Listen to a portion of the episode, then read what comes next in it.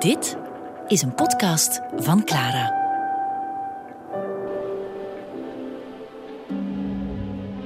...11 november, 6 uur 's ochtends. De wapenstilstand is getekend. Een klein uur geleden hebben Matthias Erzberger en Ferdinand Voch als eerste hun handtekening gezet onder het wapenstilstandverdrag. En het nieuws is al heel snel verspreid onder de, zowel de geallieerde rangen als die van de Duitsers. In de militaire hoofdkwartieren barst rond 6 uur de bom. Want velen hadden dit nieuws niet meer verwacht. Anderen hadden erop gehoopt, maar vele anderen, zeker onder de hoge officieren, vonden dit een nachtmerrie. Charles Manguin, de Franse bevelhebber van het tiende leger, ontvangt het bericht van Ferdinand Foch over het ondertekenen van de wapenstilstand. En het enige dat hij kan uitroepen is: Non, non, non. Non, we moeten doorgaan tot recht in het hart van Duitsland. De wapenstilstand zou dan pas getekend mogen worden. De Duitsers zullen niet toegeven dat ze verslagen zijn. Oorlogen zoals deze beëindig je niet op deze manier. Wie zal erop toezien dat onze voorwaarden afgedwongen worden? De geallieerden? Een coalitie heeft toch nooit het gevaar waardoor ze is ontstaan overleefd. Het is een fatale vergissing en Frankrijk zal hiervoor boeten. Ik vind dat beangstigend. Dat zelfs in die laatste oorlogsochtend er nog op die manier wordt geredeneerd. En het verklaart ook meteen waarom dat heel veel van de Franse, Amerikaanse, Britse en misschien zelfs Belgische bevelhebbers tot het laatst wordt bevolen om de wapens op te nemen. Tot het elfde uur zal er gevochten worden.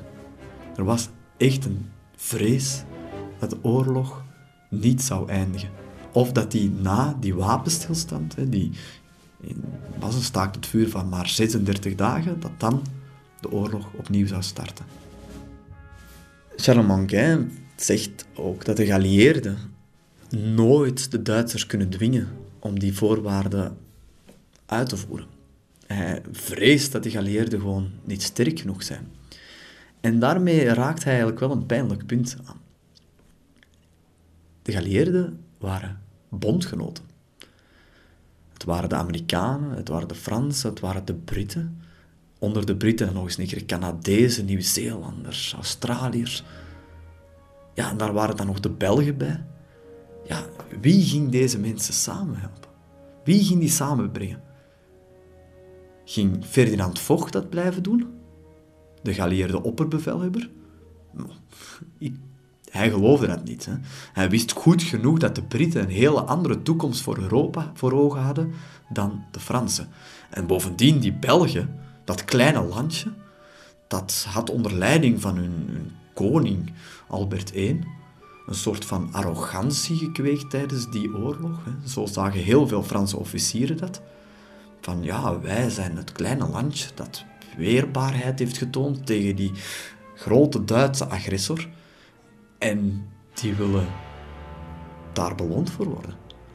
Dus je voelt aan in die laatste oorlogsochtend dat er terecht al gevreesd wordt om een soort van ja, een naoorlogse discussie, het verdelen van, ja, van de buit bijna.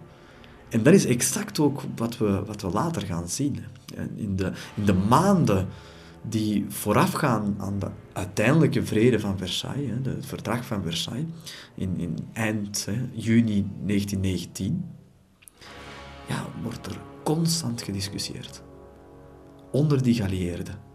Eigenlijk bleek inderdaad die geallieerde band, die, ja, dat die eigenlijk helemaal niet zo sterk was als vooraf gedacht.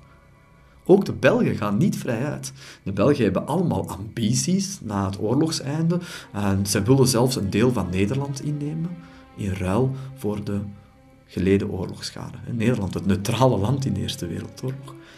Uh, maar de Belgen verweten hen dat ze geprofiteerd hadden van hun neutrale positie. Maar op lange termijn heeft Charlemagne misschien helemaal gelijk gekregen. Want de geallieerde landen hebben niet kunnen beletten dat uiteindelijk na die Eerste Wereldoorlog de Tweede Wereldoorlog is ontstaan. En natuurlijk wisten ze dat niet hè, in, die, die herfst van 1918. Maar je voelt wel aan dat zij genoeg inzicht hebben gekweekt in de politieke en, militaire situatie van Europa en beseffen dat die, dat die grote oorlog voor, voor de vrede van Europa heel weinig heeft opgebracht. En ze beseffen ook dat de, de wapenstilstand zo streng is en zo hard voor Duitsland, dat de Duitsers nog altijd wraakgevoelens gaan hebben. Maar ondertussen beseffen ze ook dat de Fransen, de Britten, de Belgen hun wraak niet echt hebben gehad, omdat het een wapenstilstand is. Dat betekent ook dat de Duitsers naar huis mogen. In de ogen van, van, van de, de militairen is dit ja, een, een makkelijke oplossing voor de Duitsers. Want zij mogen naar huis. Wie gaat hen straffen? Verklaart ook waarom dat het zo lang heeft geduurd dat, dat er duizenden Duitse krijgsgevangenen nog heel lang in de kampen zijn gehouden. Omdat ja, de geallieerden zo'n gevoel hadden van we gaan die niet zomaar vrijlaten. Hè. Dat zijn onze vijanden geweest. Dus van echte verbroedering is in die laatste oorlogsochtend zeker geen sprake. Het is eerder een gevoel van er wordt hier ons iets ontnomen. Er wordt hier ons onze vergelding ontnomen voor die onderdrukking, voor die verschrikkelijke offensieven, voor die miljoenen doden. Ook aan de Duitse kant zijn de hoge officieren totaal niet tevreden met de ondertekening van die wapenstilstand.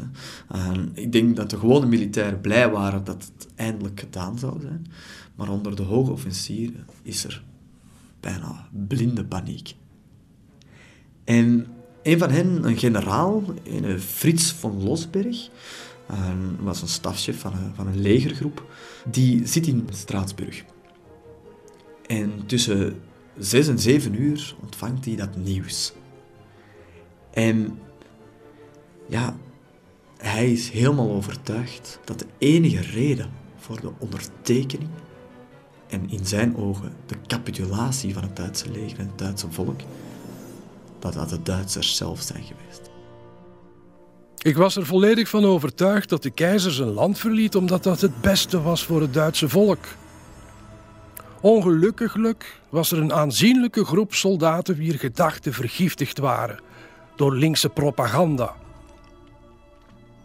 Het was te moeilijk voor de oude soldaat in mij, maar in zo'n verhit klimaat zou elke gewelddadige reactie van mijn kant de weerstand onder de troepen enkel maar verergeren. Losberg, generaal von Losberg, verwijst hier naar de precaire situatie waar hij in zit. Ook in Straatsburg is de revolutie uitgebroken. Hij schrijft over, over linkse propaganda. Dit gaat natuurlijk over ja, de muitende soldaten, die daar een eigen soldatenraad uh, hebben opgericht. En als hij dat nieuws verneemt, is hij verpowereerd. Hè. Zijn keizer, waar hij als, als adellijke officier altijd voor had gevochten, ja, die, die is gevlucht. Hè. En hij was altijd van de veronderstelling geweest, ja, hij doet dat om ervoor te zorgen dat wij de overwinning zullen halen. Maar nu was die handtekening er, die wapenstilstand en muitende soldaten. En hij kan het eigenlijk niet geloven. Hij moet ook terugtrekken. Hij krijgt bevel om terug te trekken naar het Zwarte Woud. Maar hij zal dat niet doen zonder eerst de soldatenraad een bezoekje te brengen.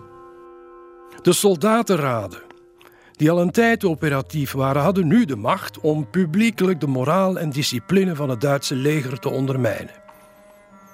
Vanuit Strasbourg richtte de linkse propaganda zich op de frontlinies met folders en kranten. Ik reed naar de vergadering van de soldatenraad en kreeg als eerste het woord. Ik wees het zootje ongeregeld met erg strenge bewoordingen op hun eed aan de vlag en hun plicht om de grenzen te verdedigen tegen een vijandelijke doorbraak. Meteen aan mij stak een lid van de socialistische gemeenteraad een lelijke haatspeech af tegen de Duitse officieren.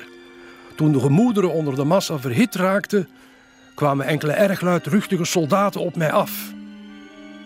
Ik bleef standvastig.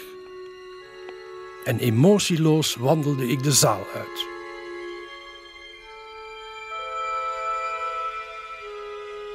Losberg loopt naar zijn wagen. In de hoop dat die soldaten die hem terug naar het hoofdkwartier moeten voeren, het zijn kant kiezen, uh, blijft hij stoer wandelen. En hij heeft geluk, ze blijven hem trouw. En op die manier kwam hij heel huids terug in het commandocentrum. Nu, dit citaat van deze generaal is zo ja, absurd. Absurd. Die, deze man, die in, in zijn herinneringen is hij dus in, in het hol van de leeuw gegaan.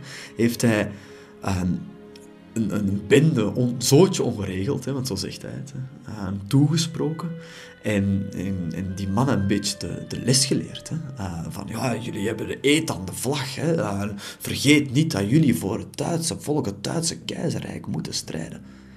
En dat allemaal in die ochtend van de wapenstilstand. En het, het lijkt alsof deze man op dat moment op een andere planeet leeft. Hè. Totaal geen voeling meer heeft met zijn troepen. En blijft denken dat het Duitse leger nog steeds ja, een, een geordende, gedisciplineerde groep is.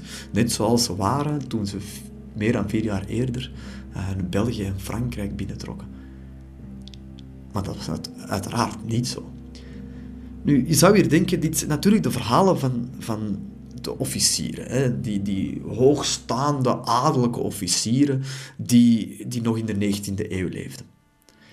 Maar ook onder gewone militairen onder gewone officieren was er een soort van ja, teleurstelling. En heel intrigerend vind ik zelf de getuigenis van een Friedrich Sieburg. Een jonge officier en die, zat in Vlaanderen.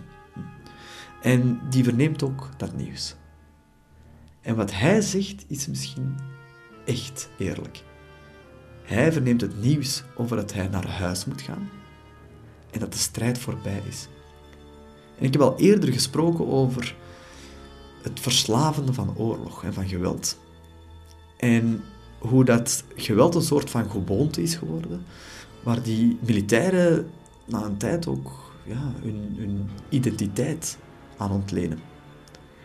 Ze voelen zich soldaat, ze voelen zich officier. En nu is die handtekening er.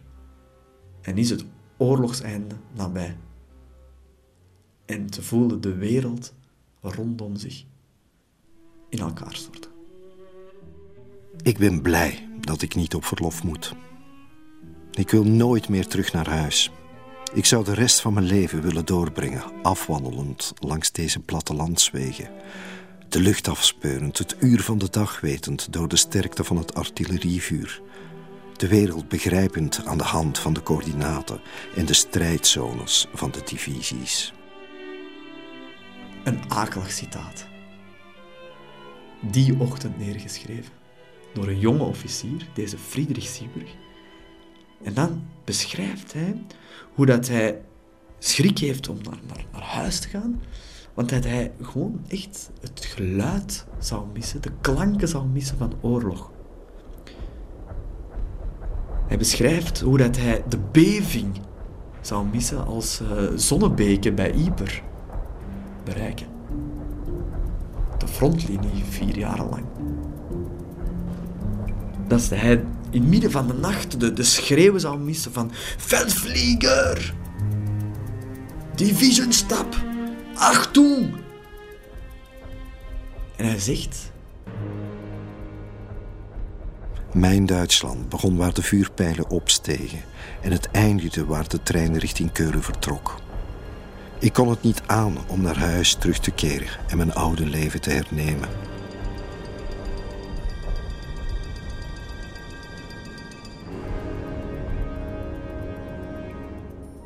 Ik denk dat wij 100 jaar later ons niet kunnen voorstellen hoe het toen moet geweest zijn.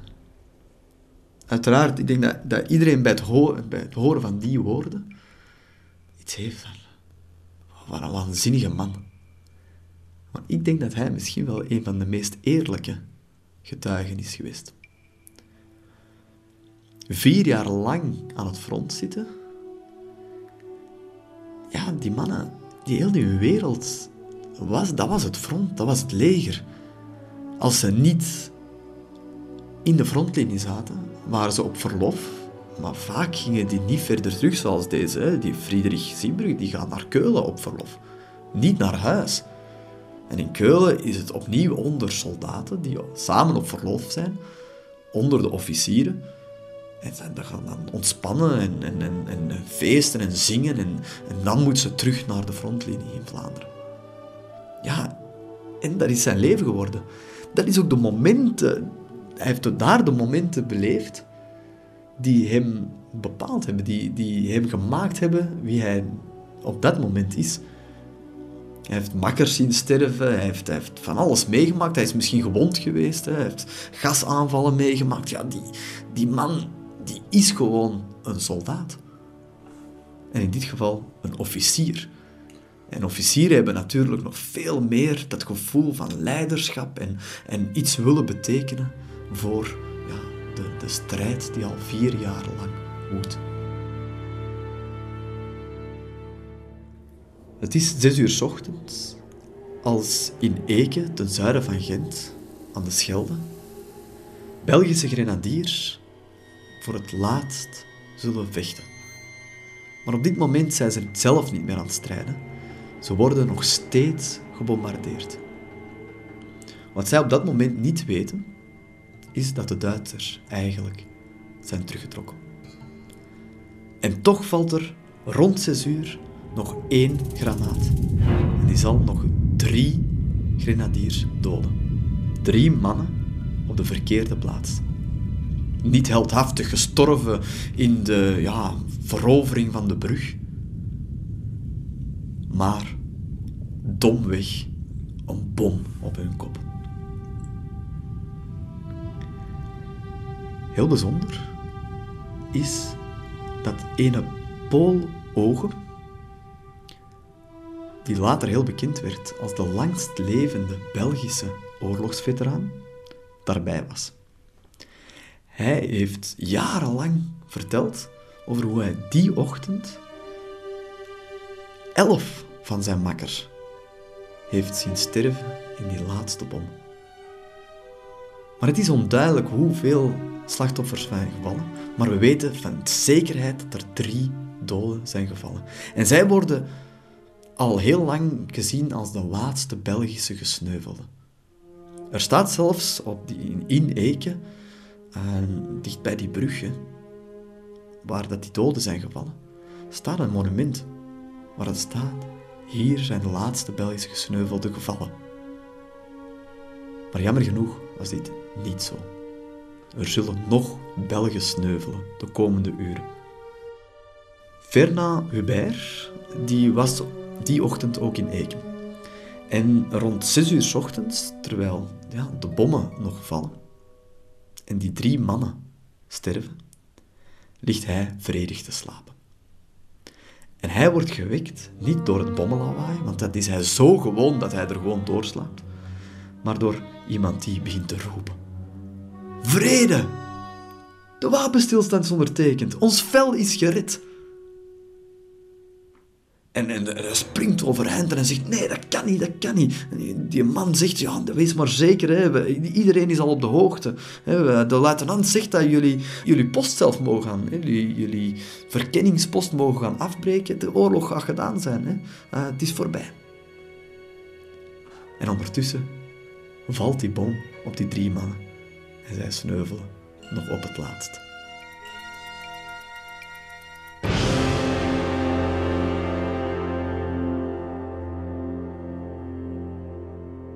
Rond zes uur, in, dus in diezelfde ochtend, hè, eh, terwijl Fernand Hubert hè, wakker wordt met het nieuws over de wapenstilstandondertekening, En die drie mannen sneuvelen in die laatste Duitse bom.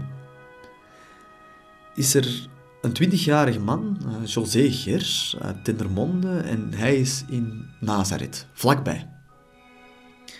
En hij probeert te omschrijven hoe dat hij die ochtend, nog net voor de eerste ochtendschemering, en voelt en hoort vooral dat de oorlog ten einde komt. Na al die jaren hoor ik nog het geluid van de nachtelijke wind die met de takken speelde. En dat van de telefoonlijnen die met een muzikaal geknisper tegen elkaar wreven. De kille dageraad vormde het decor van een puur landschap, bestrooid met ijzel en sneeuwkristallen. Het platteland, de batterij, de beesten, de granaten, alles was bedekt onder een sneeuwwitte laag, die normaal gezien enkel voorbestemd is voor kerststallen.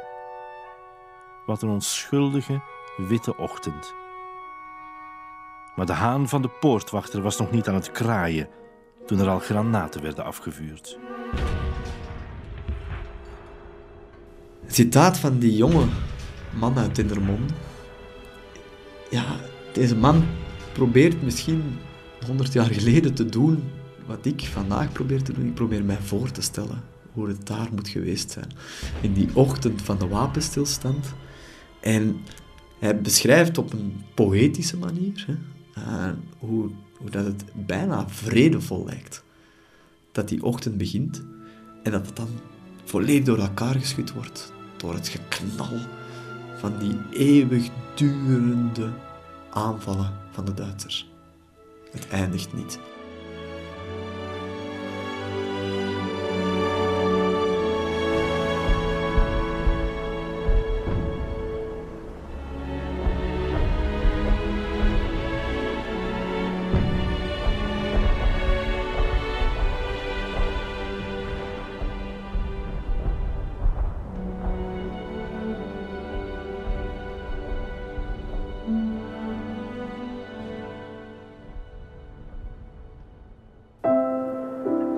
Ontdek ook onze andere podcasts via clara.be. Clara Podcast. Blijf verwonderd.